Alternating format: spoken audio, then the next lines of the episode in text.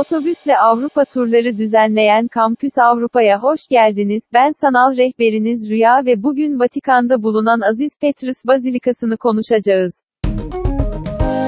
Dünyanın en büyük kiliselerinden biri olan ve Hristiyanlık için kutsal bir mekan olan Aziz Petrus Bazilikası, Papa'nın yıl boyunca pek çok ayin düzenlediği bir yerdir.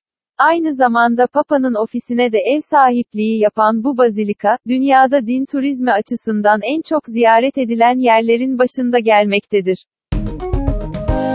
Günümüzdeki bazilika esasen, kendisinden önceki bazilikanın tahrip olmasından sonra 1506 yılında yeniden inşa edilmiş ve ancak 1626 yılında resmi olarak tamamlanabilmiş.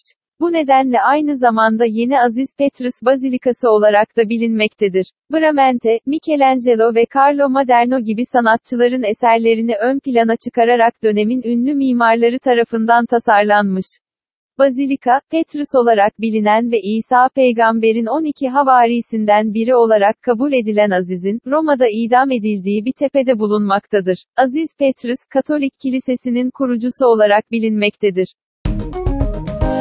Bazilikanın aynı anda 20 bin kişiyi ağırlayabileceği söylenir. 190 metre uzunluğundaki bazilikanın orta nefi ise 46 metre uzunluğundadır. Bazilikanın en etkileyici yerlerinden biri olan kubbe 136 metre yüksekliğindedir. Tasarımı Michelangelo tarafından başlatılmış ve Giacomo della Porta tarafından devam ettirilmiş.